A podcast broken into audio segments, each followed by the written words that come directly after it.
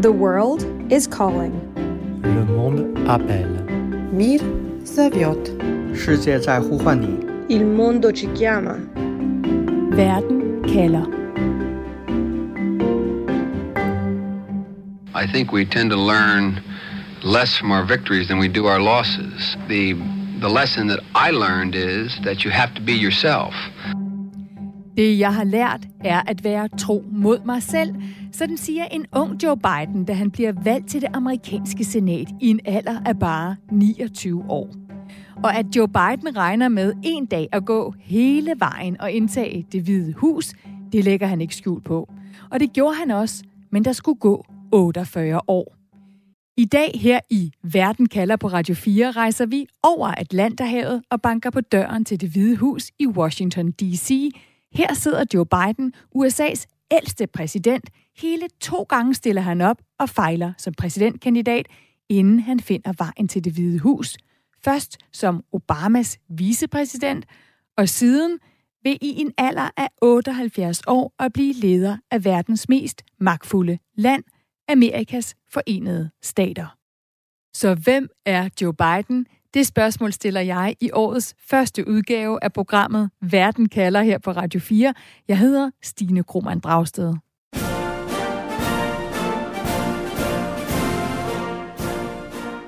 Og til lyden af den amerikanske præsidents hymne kan jeg præsentere mine to USA- og Joe Biden-kyndige gæster. Peter Keldorf, du har boet i både Washington D.C., New York og i Kalifornien dækket USA af flere omgange for både DR og TV2, og blandt andet så har du fulgt Joe Bidens vej til det hvide hus. Velkommen til Verden kalder. Tak for det, Stine. Tak fordi jeg var med. Og med har jeg også Anders Agner, chefredaktør på mediet kongressen.com, forfatter til flere bøger om amerikanske præsidenter, og også en USA-far, som har boet i Washington D.C. og New York. Velkommen til. Tak, Stine.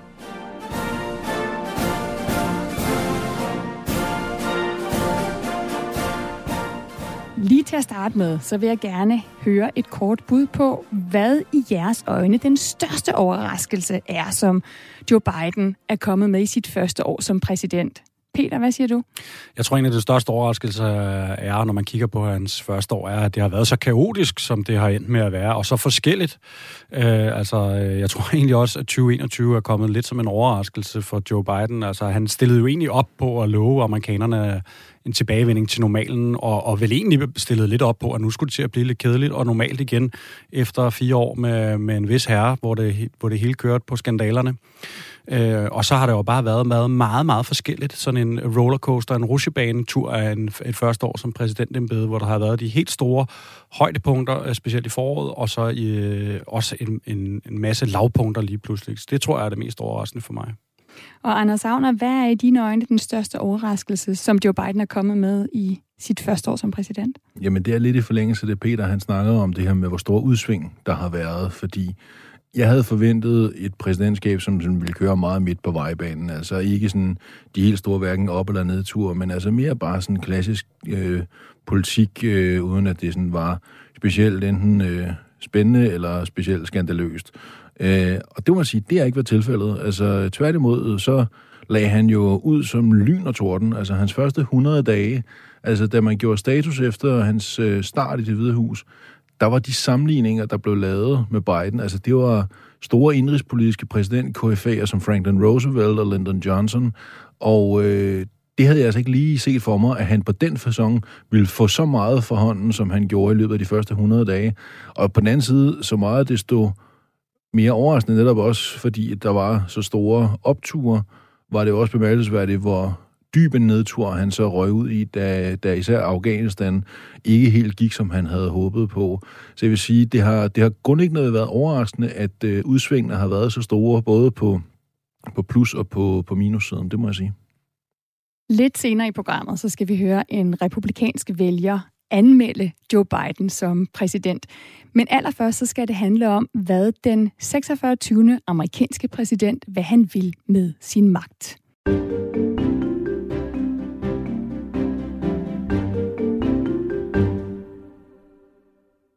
Den 20. januar 2020 lægger Joe Biden hånden på Bibelen.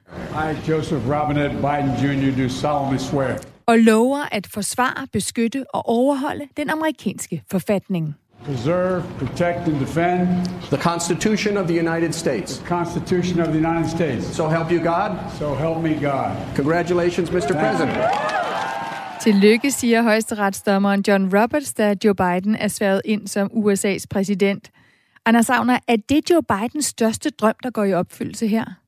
Ja, det her er, det er jo alt det, Bidens karriere har været peget hen imod. Det var, at han så utrolig gerne ville ende som amerikansk præsident en dag. Han har prøvet at modellere sin karriere, sin fortælling, sin selvforståelse, sit familieimage, alle de her ting og sager, ud fra andre store præsidenter, og på den façon også prøvet at køre sig i stilling som en naturlig kommende amerikansk præsident.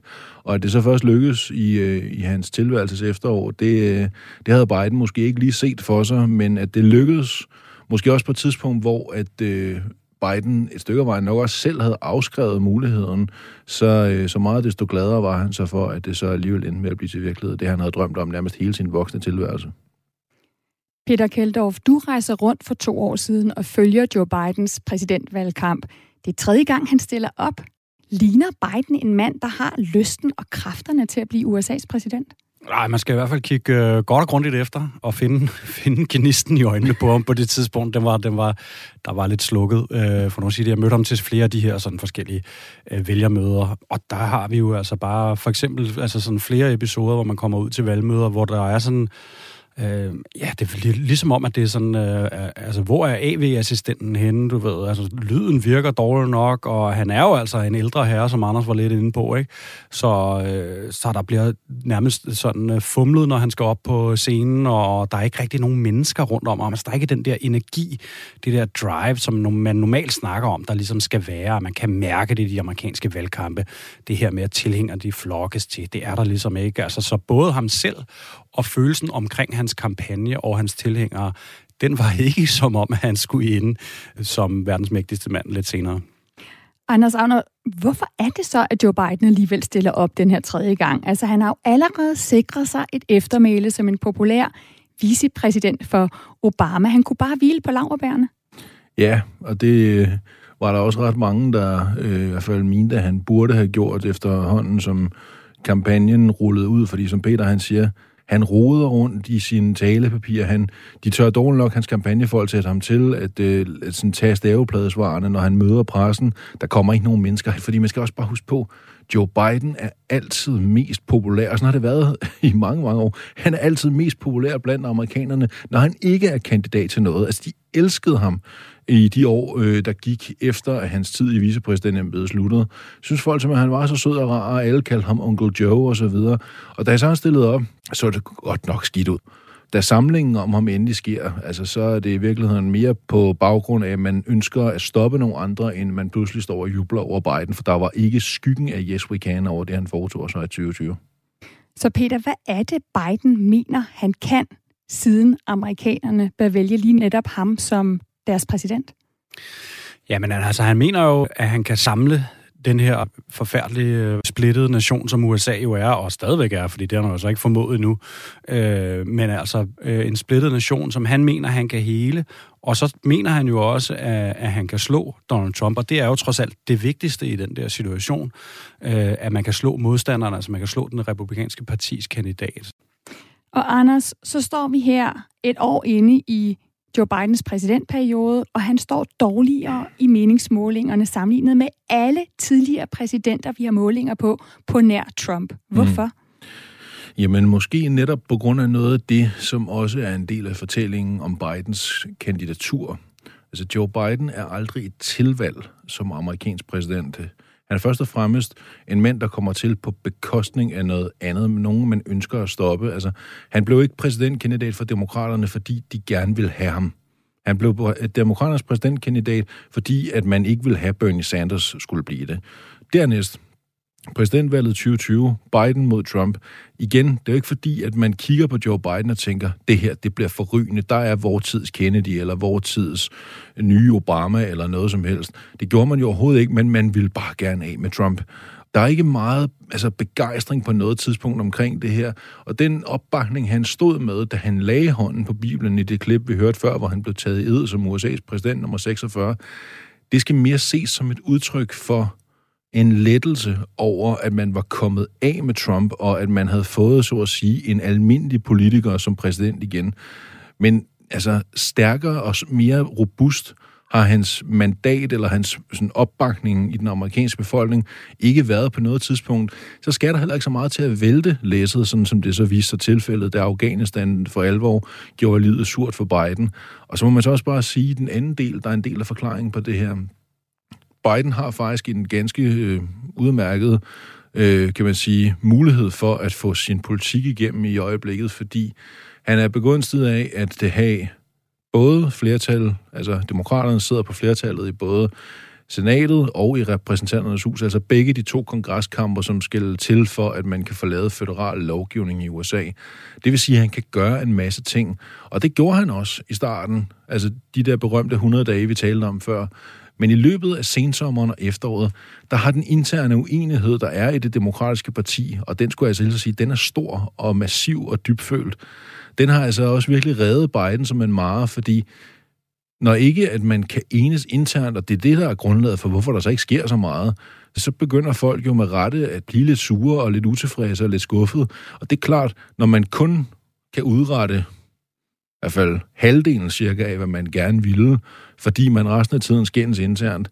Det er aldrig populært blandt vælgerne, og det er ret centralt i forhold til, hvorfor Biden heller ikke står stærkere, end han gør nu. Der er også et par andre sådan, øh, faktorer, som er i spil. Ikke? Covid har jo så igen og igen ramt amerikanerne. Ikke? Altså først med en, en delta-variant, den har vi sådan lidt glemt nu, og så øh, med den sidste nye variant, uh, som præsidenten i øvrigt ikke kunne finde ud af at udtale rigtigt, og, og udtale det forkert, sådan noget, syv gange i træk eller sådan noget på national tv. Men det er sådan en, præcis, ja.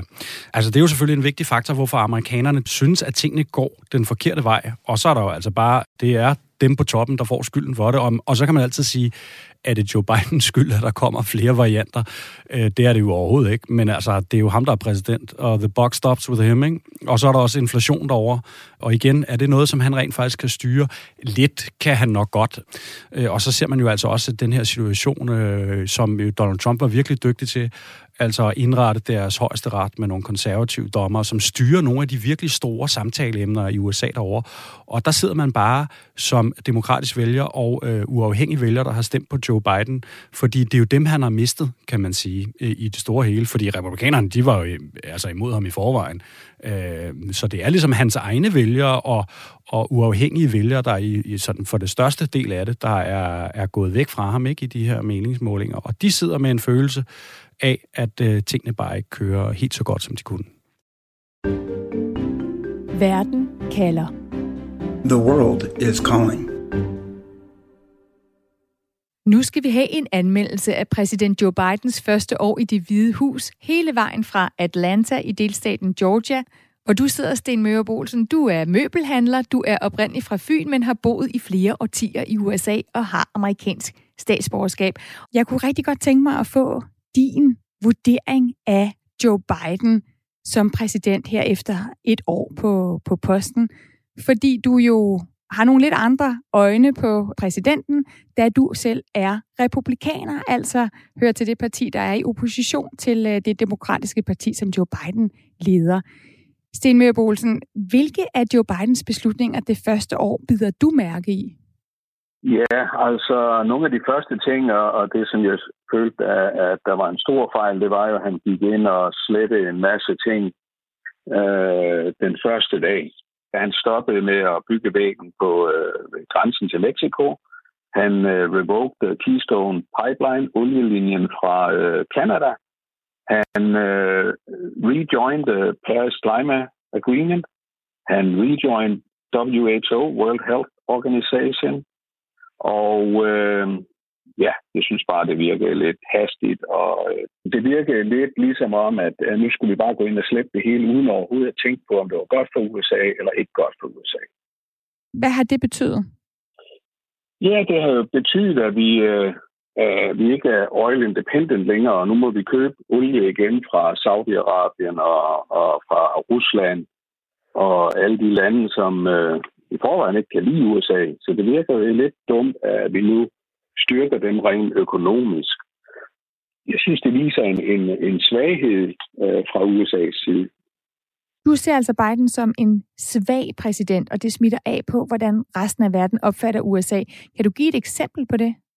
Altså, øh, da vi trak ud af Afghanistan, det var jo en, en ren katastrofe for USA. Den måde, det skete på, de mennesker, der blev slået ihjel, inklusive 13 øh, amerikanske soldater, og øh, at vi efterlod amerikanere og mange af de mennesker, som har hjulpet USA i krigen, dem efterlod vi i øh, Afghanistan. Det var, jo, det var jo ganske forfærdeligt, og jeg mener også, at vi øh, gjorde et meget dårligt job med alle vores allierede. Hele Europa blev taget med bukserne ned, undskyld udtrykket, og det er overhovedet ikke amerikansk øh, politik. We never leave anybody behind. Det har altid været, hvad militæret har sagt, og det var nøjagtigt det modsatte, de gjorde den gang her. Hvad siger det dig om Biden og den måde, han er en leder på, at Afghanistan-exitet blev på den måde? Det siger igen, at han er meget svag, og det er måske ikke ham, der gør det. Ganske få dage forinden havde han sagt, at hvis vi ikke har fået alle amerikanere ud, så udskyder vi datoen. Altså, hvor er vi henne, når verdens efter sine stærkeste magt skal forhandle med Taliban til at få sine egen folk ud af Afghanistan? Det viser jo nøjagtigt, hvor svage de er. Hvordan er det, du vurderer, at han træffer de her beslutninger som leder? Han lytter til, hvad andre folk siger, eller han har fået at vide, hvad han skal sige af andre folk. Og der er han ikke stærk nok til at gå ind og sige, no way, det vil jeg absolut ikke acceptere, at vi efterlader nogen. Øh, det er, jo, det er jo det, man gerne vil se i en præsident, at selvom militæret, eller selvom udenrigsministeren, og selvom hvem end der kommer, altså præsidenten er stopklodsen, der siger, absolut not. Absolut not. Alle de der eksperter, der sidder og siger det ene og det andet og, og tredje, jamen øh, der mangler nemlig den person, der ligesom siger, no, det vil jeg ikke. Det er jo præsidenten. Så er man en præsident. På en skala fra 1 til 10, hvilken karakter vil du så give Biden efter et år som præsident? Ja, øh, fire. Hvad får han firetallet for? Han er en gammel, svag mand, og det er ikke hans skyld, hvad der foregår. Du kan ikke komme i tanke om en god ting, du synes, han har gjort det sidste år? Ah, ikke sådan rigtigt, nej. Det kan, jeg, det kan jeg faktisk ikke. Det lyder mere som et et-tal mine ører. Ja, men uh, det er lidt ondt af manden, og jeg føler, at han bliver, at han bliver misbrugt. Biden lovede jo også at bringe unity, altså at forene amerikanerne og hele USA. Er han en type præsident, der har kunne samle amerikanerne? Jeg tror personligt, at han meget, meget, meget gerne vil det. Jeg, jeg, altså, det, det er en af de ting med Biden. Han er jo den der øh, behagelige onkel, ikke også, eller hvordan man ser på ham. Og det tror jeg vidderligt gerne, han vil. Men igen, det, det har han ikke været i stand til at gøre, fordi han ikke selv er personligt stærk nok, og øh, der er andre mennesker i øh, partierne og så i pressen og så videre, der ikke ønsker det. Hvordan går det for dig selv og din forretning? Du er møbelhandler. Ja, personligt kan jeg absolut ikke klage. Vi har nok haft de bedste to år, eller siden vi genåbnede i juni 2020, øh, øh, der har vi nok haft nogle af de bedste år. Men desværre så er det jo en del af, af befolkningen, der gør det godt, og så er der en anden del, at uh, ikke gør det så godt. Sten Bolsen, tusind tak for at komme med din vurdering af, hvilken præsident Joe Biden han har været det første år i det hvide hus. Ja, men du er da meget, meget velkommen.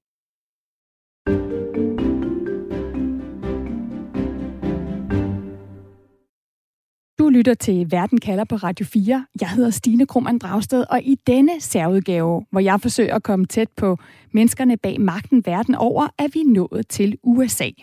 Og derfor så spørger jeg i dagens program, hvem er Joe Biden? Og hvad vil han med sin magt som USA's præsident?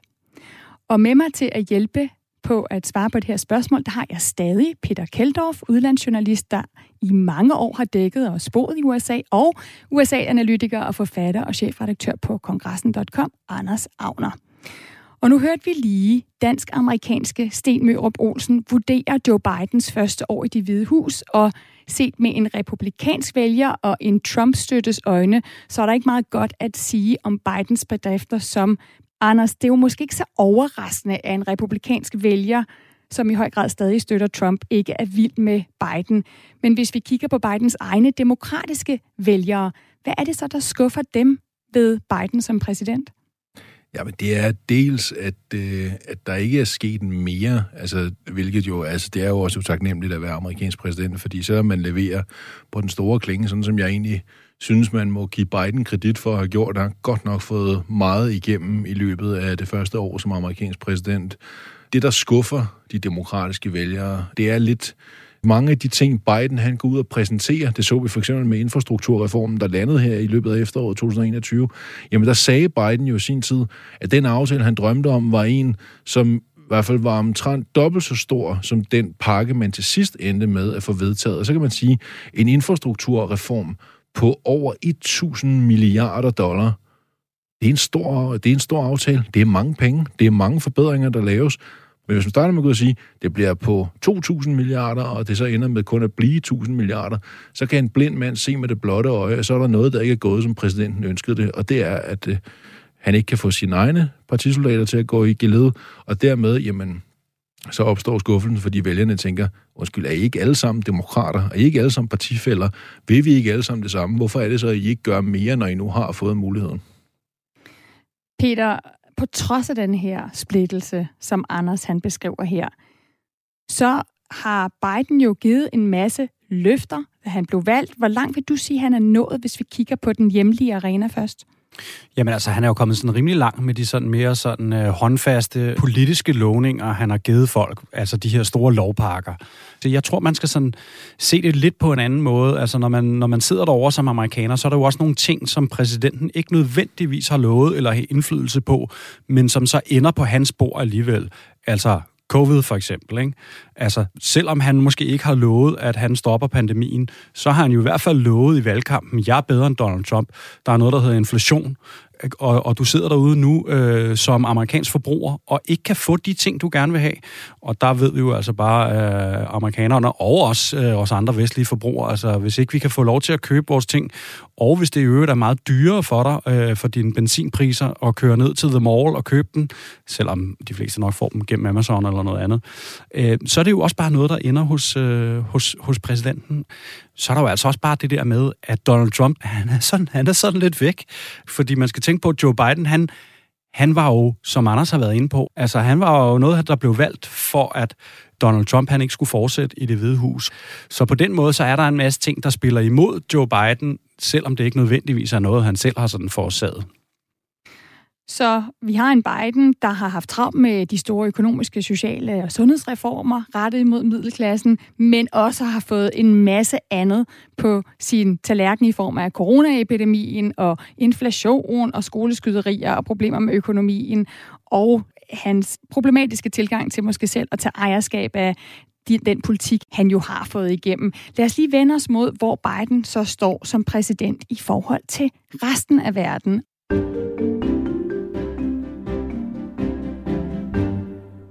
I det meste af Europa åndede ledere lettet op over at vinke farvel til Trumps kontroversielle stil, hvor upålidelighed var et varemærke, og hvor Putin blev behandlet som en tættere ven end USA's allierede som Frankrig og Tyskland eller Danmark. For Biden lyder budskabet. I'm sending a clear message to the world. America is back, and we are not looking backward. We are looking forward together. America is back. Nu kan Europa og USA ruste sig til fremtiden sammen igen. Alligevel er det ikke ligefrem sød musik, der er brudt ud mellem Biden og europæiske ledere. Biden må blandt andet undskylde for en meget kluntet aflysning af en fransk ubådskontrakt, hvilket får den franske præsident Macron til at sige til Biden, tillid er som kærlighed, erklæringer er gode, men beviser er bedre. Peter, hvorfor er Biden ikke så god til at charmere Europa, som hans demokratiske forgænger Obama var? Ja, så vi er jo ikke så meget værd herover, som vi ligesom har været. Øh, så han kigger jo andre vejen hen og fokuserer Amerikas indsatser mere på øh, Stillehavsområdet og konflikt med Kina og den slags. Ikke? Så på den måde, så tror jeg bare, at tankegangen fra USA er lidt, at, at øh, vi skal bare lige tage os lidt sammen og betale det der, vi har lovet til NATO, som vi jo ikke alle sammen gør, og, øh, og så ellers bare følge trop øh, og, og være søde og rare. Og så er der jo Afghanistan, som du også har nævnt flere gange allerede, Anders Savn, og lad os lige høre, da Biden beslutter at trække USA ud. My fellow Americans, The war in Afghanistan is now over.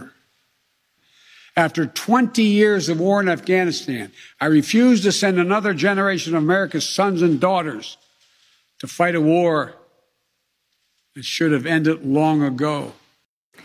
Det var på tide at være ærlig over for det amerikanske folk. Det var på tide at slutte krigen i Afghanistan. Sådan forsvarer Biden altså sin beslutning om den her meget brætte og, og kaotiske tilbagetrækning fra Afghanistan. Anders, USA bliver ydmyget, mens hele verden ser til, og det sker på Bidens watch. Altså en mand, der er blevet valgt på sin erfaring, han er blevet valgt på sine udenrigspolitiske meritter. Hvad kommer det til at koste Biden? Jamen, det er en katastrofe. Altså, øh, det kan simpelthen ikke øh, værre og værre for Biden, end det, der sker i Afghanistan, fordi han øh, netop, som du siger, har den her lange udenrigspolitiske erfaring, som han har. Han har været formand for senatets udenrigskomité som senator. Han har taget sig meget udenrigspolitik, mens han var Obamas vicepræsident. Og man regner grundlæggende med, at det her har manden styr på. Altså normalt er det også sådan, at en amerikansk præsident, hvis han er demokrat, skal bevise sig som værende kapabel til at køre udenrigs- og sikkerhedspolitik, fordi republikanerne traditionelt set bliver set som værende stærkere. Men i det her tilfælde, der var det faktisk ikke sådan, man altså fra Bidens side skulle ud og forsvare for alvor, at det her kan jeg godt finde ud af, for det vidste man godt, han kunne, så det blev aldrig rigtig en flanke, man kunne angribe ham på i, øh, i løbet af valgkampen. Men når der så sker det her, og det skete jo altså, at han havde været præsident i ja, lidt over et halvt års penge, før det her så sker i Afghanistan, så er det simpelthen en katastrofe for ham. Og øh, altså, hans opbakning i den amerikanske befolkning, den var jo frit fald fra det øjeblik, at øh, det her det skete, og øh, mange af de vælgere, der blandt andet begyndte at vende ham ryggen, det var de her, altså det man kalder på engelsk independent, altså de her svingvælgere, der ligger og er afgørende blandt andet også for, at Biden vinder i 2020. Det er nogle af dem, der begynder at vende ham ryggen, så det kan simpelthen ikke være værre for ham, det der skete øh, i forbindelse med Afghanistan. En del af det at være leder, det er at tale til folket, og derfor så skal vi nu undersøge en tale, Joe Biden har holdt, og se på den retorik og de virkemidler, som Biden trækker på. Du lytter til Verden kalder på Radio 4. Biden er den første præsident i 150 år, der bliver sværget ind i Washington D.C., uden at hans forgænger er til stede. Trump han har taget helikopteren sydpå til Mar-a-Lago, villaen i Florida. Han nægter at acceptere, at Biden har vundet præsidentembedet. We've learned again that democracy is precious.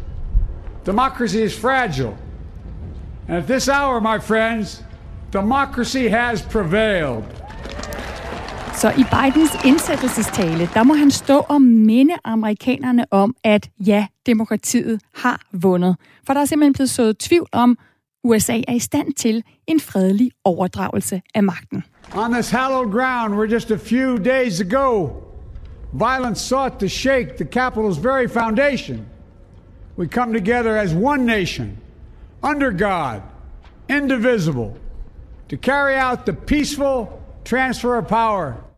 Biden er den første præsident, der står på podiet foran et Capitol Hill, der bare 14 dage før er blevet bestormet af vrede amerikanere, der får både ja, demokratiske republikanske politikere til at øh, flygte ud og frygte for deres sikkerhed. og De må simpelthen gemme sig. Og derfor så står Biden også ved indsættelsestalen og lægger vægt på, at nu skal USA samles og heles. Unity. With unity, we can do great things, important things. We can right wrongs. We can put people to work in good jobs. We can teach our children in safe schools. We can overcome the deadly virus.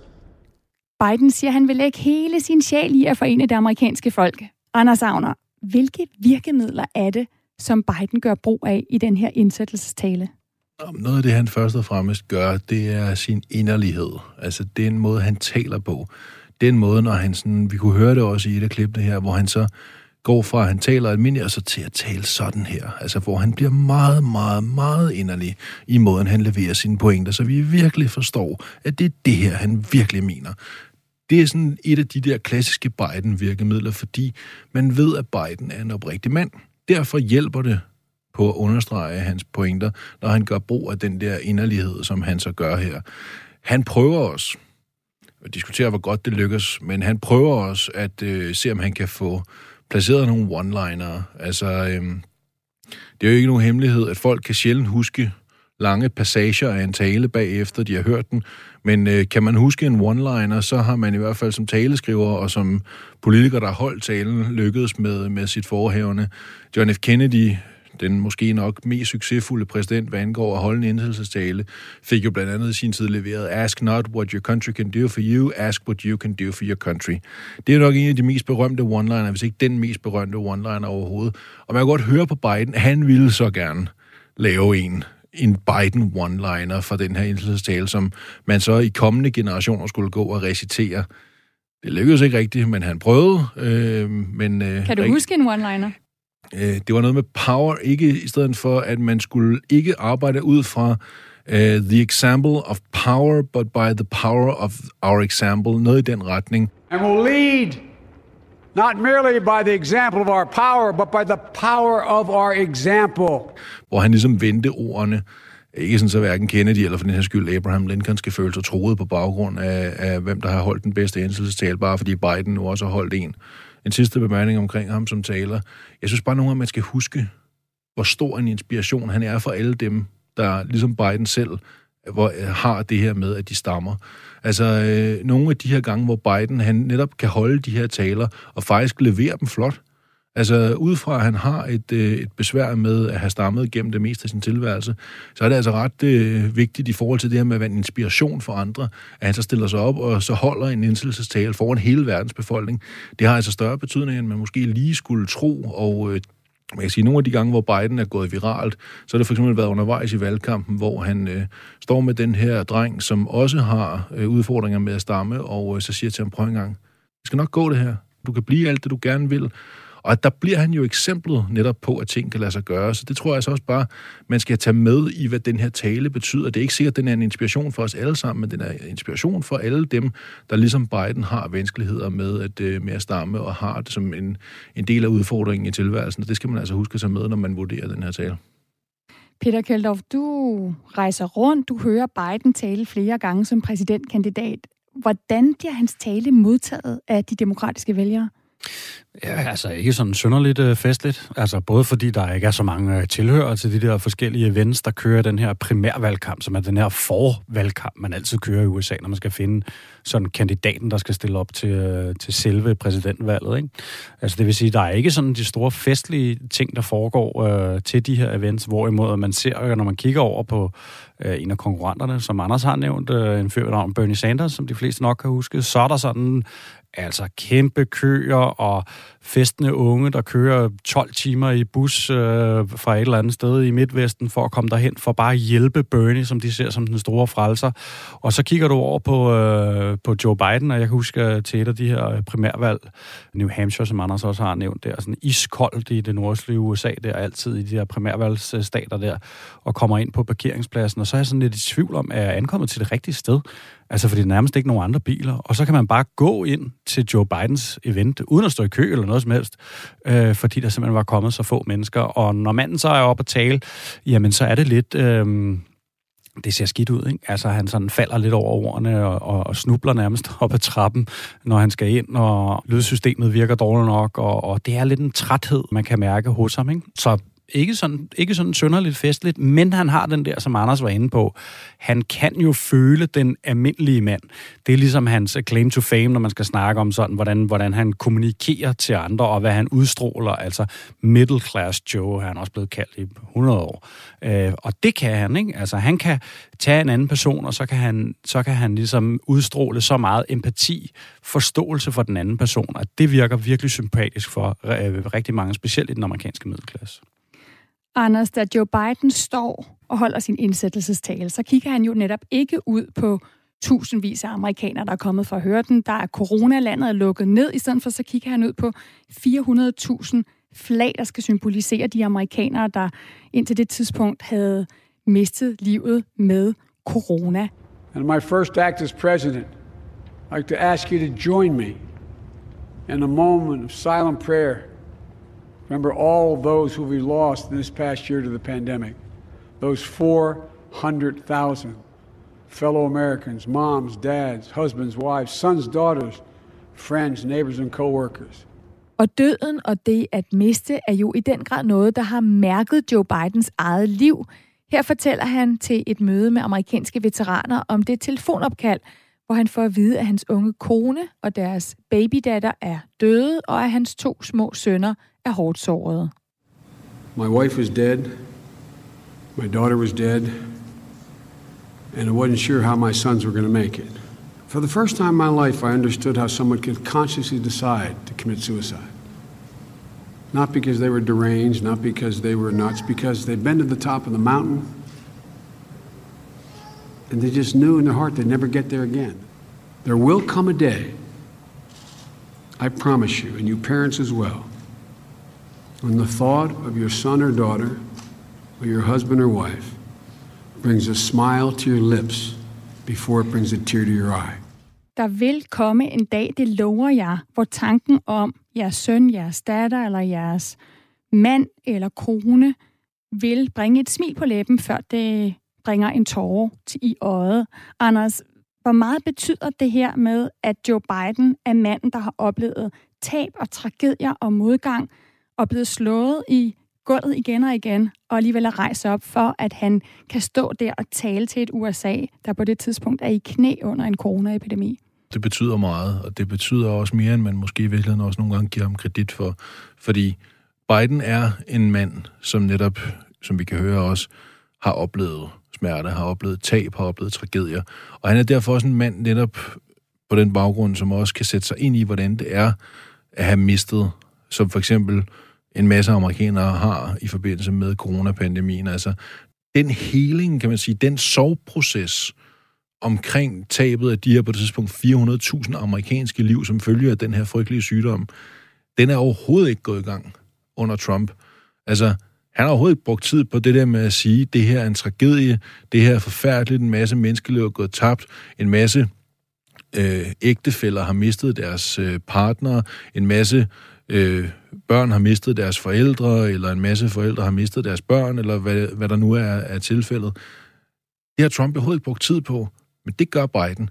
Lad os dykke lidt mere ned i mennesket bag magten. For hvem er Joe Biden? Altså, hvad er han rundet af, og hvilken leder gør det ham til?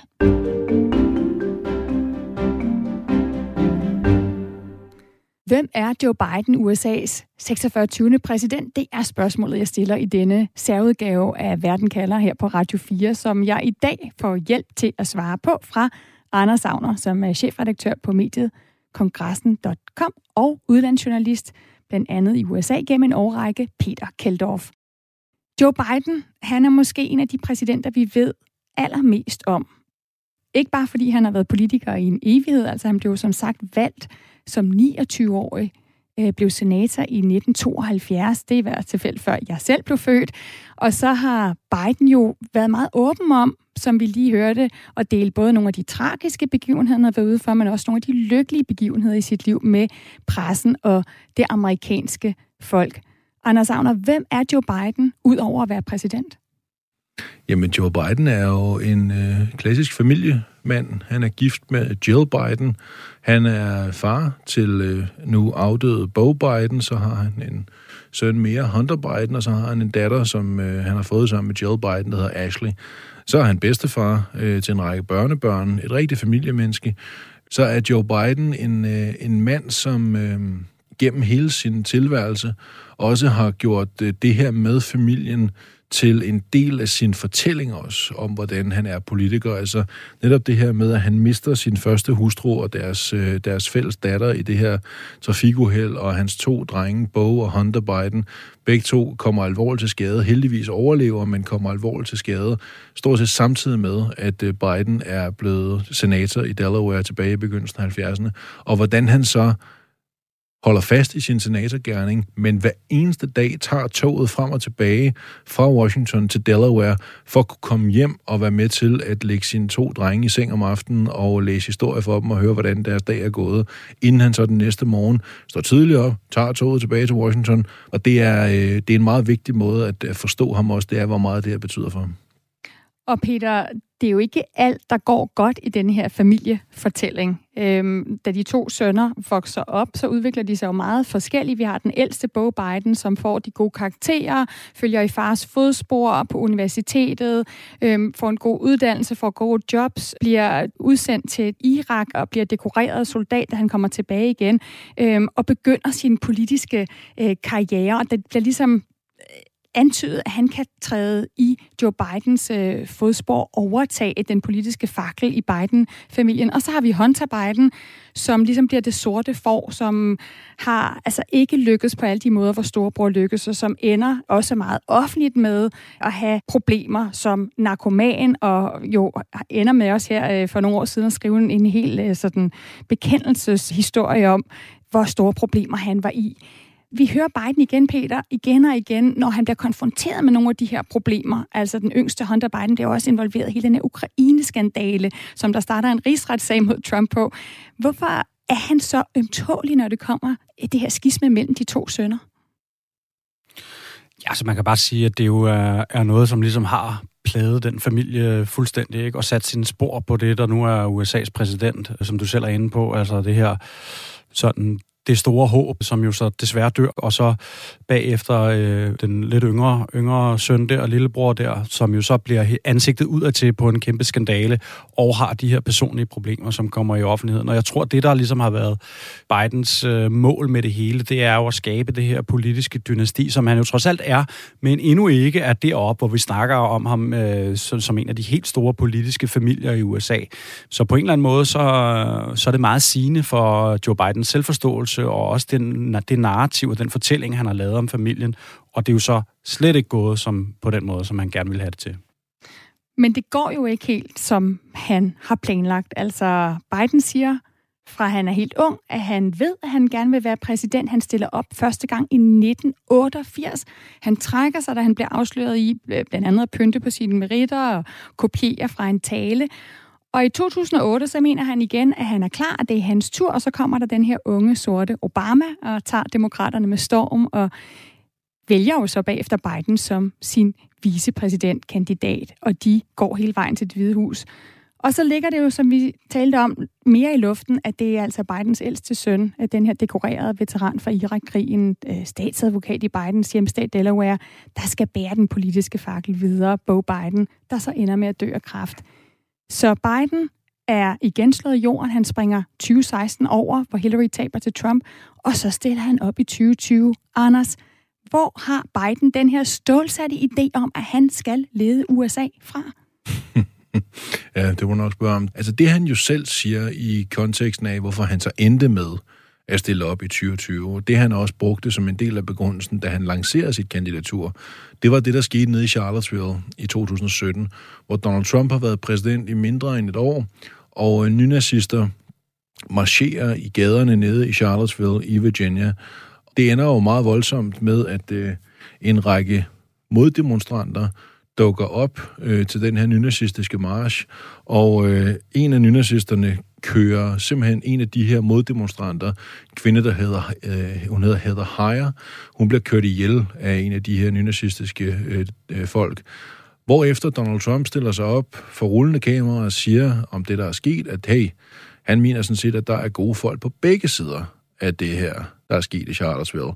Og Biden siger selv, at for ham, der var det der, han fandt ud af, at han blev nødt til at øh, vende tilbage. At Charlottesville, det var så voldsom en øjenåbner for ham, om hvor galt det kunne gå med Trump, at han besluttede sig for at gå ind i arenaen igen. Og det skal man selvfølgelig tage med en smule forbehold. Men, øh, men det er klart, der er ingen tvivl om for Biden, var det også chokerende at se, hvor utrolig øh, voldsom en kursændring, der skete i USA, fra man gik fra Obama til, øh, til Trump. Og så kan man sige, han prøver måske også en sidste gang, fordi han, øh, han alligevel tænker, det kunne jo være. Og Peter, så kan du jo undre lidt, hvor den tro, den der tyrker tro på, at han kan blive præsident, kommer fra. Altså Biden kommer ikke fra en velhavende familie. Hans far var rig som ung, men ender øh, som ikke særlig succesfuld. Og øh, Biden har jo igen og igen fortalt, hvordan han har lært af sin fars erfaringer. Altså han øh, bruger den her mm, boksemetafor, som faren har fortalt ham, altså champ, the measure of a man is not how often he's knocked down, but how quickly he gets up. Altså man måler ikke en mand på, hvor ofte han bliver slået om kul, men på hvor hurtigt han rejser sig igen. Peter, hvad siger det om Bidens tro på, hvad det er, han kan? Ja, men jeg synes, det siger en, en hel del. Ikke? Uh, altså, Joe Biden har jo i, i snart rigtig, rigtig mange år kørt sådan en på trods uh, fortælling om sig selv. Uh, fuldstændig berettet, synes jeg. Ikke? Altså, man skal huske på, at, at efter det her forfærdelige biluheld i starten af 70'erne, som, uh, som vi har hørt om, hvor han, så, han mister sine familiemedlemmer, der bliver han jo indsværet som senator uh, fra hospitalet. Simpelthen noget, der går hele USA rundt. Og på den måde, altså på trods af det her tab, så bliver han indsværet som senator altså den sande tjener for, øh, den, for det amerikanske demokrati, på trods af hans store tab. Igen, på trods af, at han taber øh, flere gange og bliver gjort sådan lidt til grin de gange, han stiller op som øh, præsident, jamen så gør han det igen. Så den hele den her champ, øh, you gotta get yourself up øh, fortælling, er noget, der sådan øh, går igen og igen som en rød tråd igennem Joe Bidens liv, og også noget, han bruger som sådan en fortælling om sig selv, altså som helt almindelige amerikanere virkelig godt kan forstå, fordi vi ved alle sammen, at livet det er og kan være virkelig hårdt nogle gange, og man får nogle slag, men det vigtigste er at man fortsætter. Så på den måde en meget, meget nem, alvorlig fortælling, og også en god for, for, øh, fortælling, hvis man skal bruge en sådan en, en fighter for den helt almindelige øh, amerikaner. Og Peter, det betyder noget for, at han selv mener, at han skal være præsident. Du har også fortalt mig herinde i udsendelsen, at du oplevede, altså under Joe Bidens valgkamp, at de her sorte vælgere hvor afgørende de var for, at han overhovedet blev øh, demokraternes præsidentkandidat og senere vandt over Trump. Hvor meget betyder Bidens nære venskab med Obama for, at Joe Biden ender som præsident? Ej, det synes jeg betyder en hel del. Altså, fordi øh, kunne du forestille dig, at Joe Biden blev amerikansk præsident, hvis ikke han havde øh, været BFF øh, med øh, Obama og siddet otte år som hans vicepræsident og blevet ført frem på den der måde? Øh, man skal jo tænke på, Obama var en, var en rockstjerne. Øh, Joe Biden, han er en gammel bedstfar, altså for nu at sige det sådan lidt hårdt, ikke? Øh, lidt hårdt skåret. Øh, men Obama har ført øh, Joe Biden øh, Joe Biden frem, og store dele af, af Joe Bidens valgkamp gik ud på at sige til folk, hey, jeg var gode venner med ham der, I rigtig godt kunne lide. Kan I huske ham? Ham der, øh, hvor alting var godt. Selvfølgelig ikke til de republikanske vælgere, for de, de var pænt ligeglade og brød sig ikke om Obama. Og så i det tilfælde, så har vi så den her øh, situation, øh, hvor vi har været lidt inde på det. Altså, vi har en primærvalgkamp, hvor Joe Biden skal vælges øh, frem for, i det her tilfælde, øh, Bernie Sanders og nogle andre kandidater, ikke? men det, den primære rival er, er Bernie Sanders. Og så har man så en vigtig, vigtig delstat i primærvalget, som hedder South Carolina, som altid ligger sådan i starten, men ikke blandt de allerførste, men sådan lidt derned af. Øh, og der har vi rigtig mange sorte vælgere, og det som Joe Biden han jo så kunne, det var, at han kunne skaffe sig en alliance blandt de stærke øh, politiske sorte ledere i South Carolina. Han fyr, der hedder Jim Clyburn blandt andet, som er en af de mest øh, magtfulde sorte øh, politikere i USA, efter at der var en vis fyr, der var præsident selvfølgelig. Lad os lige prøve at høre første gang Biden omtaler Obama, og der er vi altså tilbage i 2008, hvor de jo begge to stiller op til præsidentembedet. You got the first sort of mainstream African American yeah. who was articulate and bright and, and, and clean. Ja, det kan være lidt svært at høre her, men det han siger er jo, altså det er første gang, vi har sådan en sort amerikansk kandidat, som er clean og articulate og virker bright. Anders Agner, altså det her, det er jo på, på mange måder noget, som Biden har gjort rigtig mange gange. Og han ender med at blive præsident i en tid, hvor Black Lives Matter og kampen for lige rettigheder for sorte amerikanere fylder meget i gaderne. Han ender med at blive præsident på et tidspunkt, hvor MeToo har sendt magtfulde amerikanske mænd i fængsel. Og så er han samtidig den her ældre hvide mand, der siger de her ting, som mange unge synes er dybt pinligt, og i det her tilfælde jo også altså nedværdigende og måske direkte racistisk. Hvad betyder det for Joe Biden, Anders, at han tilhører det, USA kalder the silent generation, altså generationen før boomer-generationen?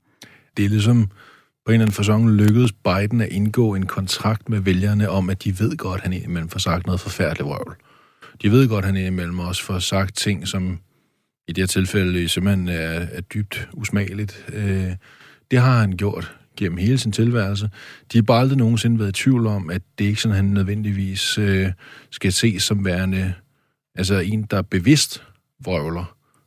De, det er mere bare sådan noget, det er når Biden er Biden. Øh, det er sådan, man trækker lidt på skuldrene af og siger, han, det var givetvis ikke det, han mente, eller det var ikke det, der var intentionen bag det, han sagde, eller sådan noget.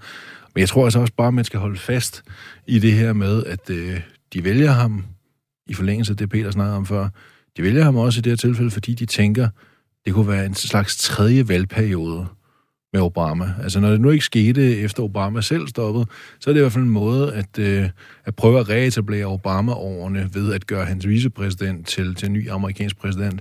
Og så skal man altså igen bare have med det, som jeg øh, i hvert fald husker, vi taler om i starten af programmet.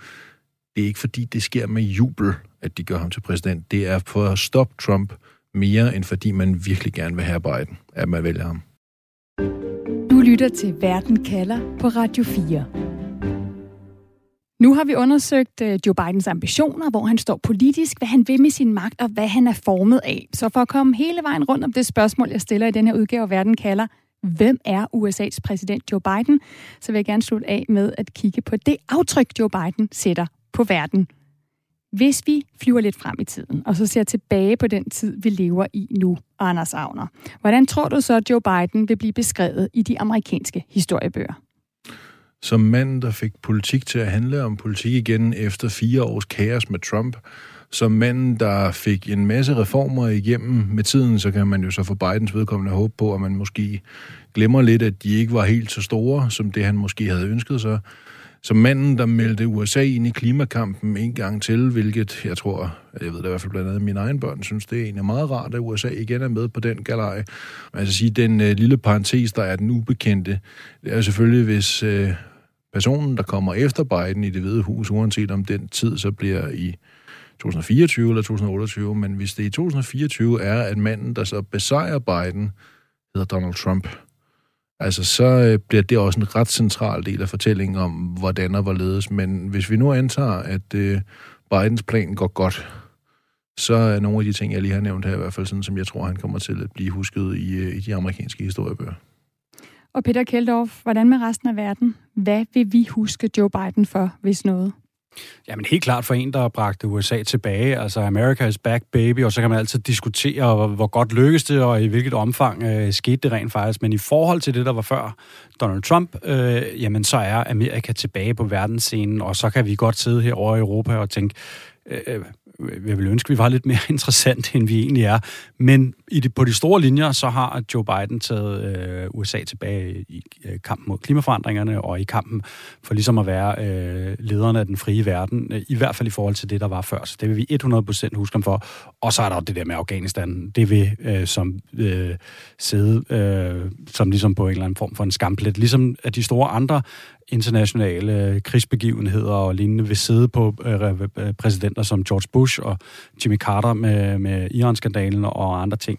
Det vil også sidde på Joe Biden. Anders, hvis vi springer fra den her fremtid til vores egen nutid, hvor stærk en leder vil du så sige, Biden har været det første år som præsident på en skala fra 1 til 10? På indhold har han leveret varen på lange stræk, ikke hele vejen rundt, derfor lander vi på en 7 stykker på indhold, men på, på form, altså der er vi langt nede, det er sådan helt nede på en, øh, altså en, en skøre flinke her omkring øh, jule- og nytårstiden, så lad os sige, at øh, på, på formen måske en, en, en 2-3 stykker, det er virkelig ikke godt, det der leveres på formfronten. Peter, vi hørte tidligere fra den republikanske vælger Sten Mørup Olsen, der bestemt ikke er begejstret for Biden. Men han mener, at Biden kan ende med at slå Trump, hvis det ender med, at de to stiller op mod hinanden igen i 2024. Er du enig? Øh, lad mig sige det sådan, ja. Øh, jeg mener også, at Biden har gode chancer for at slå en Trump, hvis vi, er, vi taler ud for de her forhold, der er nu. Men som vi alle sammen ved, øh, specielt også tre med amerikansk politik, så går det op og ned i showbiz over, og også i politik, og, og meget, meget kan nå at ændre sig. Men ja, altså Biden har gode chancer for at slå Donald Trump, men han kan også sagtens tabe. Og specielt, øh, hvis der begynder at ske et eller andet med ham. Jeg er selv meget i tvivl om, øh, om Joe Biden han egentlig har lyst øh, og kan. Øh, jeg tror nok, han har været ude og meddele, at han gerne vil, men, men spørgsmålet er, om han kan øh, stille op igen øh, i 2024, øh, altså om han simpelthen har det, der skal til. Tak for både at være med til at prøve at kigge ud i fremtiden, for at se, hvordan Joe Biden vil stå der, og for at gøre os klogere på, hvem Joe Biden, USA's præsident, egentlig er. Peter Keldorf. Tusind tak, fordi du var med, Stine. Det var fedt. Altså udlandsjournalist, øh, som har dækket USA af flere omgange, og, og både boet og rejst i Amerikas Forenede Stater, og Anders Agner. Stine Dragsted, det var en stor fornøjelse som er chefredaktør på mediet kongressen.com, og også en mand, der har boet i blandt andet Washington D.C. og New York. Denne udgave af Verden kalder var stykket sammen af mig, Stine Krohmann Dragsted, og af Benjamin Munk. Camilla Høj Eggers er redaktør. Og selvom det er årets første udgave af Verden kalder, så er det det sidste program, der bliver sendt på det her tidspunkt om to dage, mandag den 3. januar. Der går Verden kalder nemlig live i luften kl. 10. Så hver mandag kl. 10 her på Radio 4 vil jeg stille nogle af de vigtigste spørgsmål, som kalder på et svar i vores verden.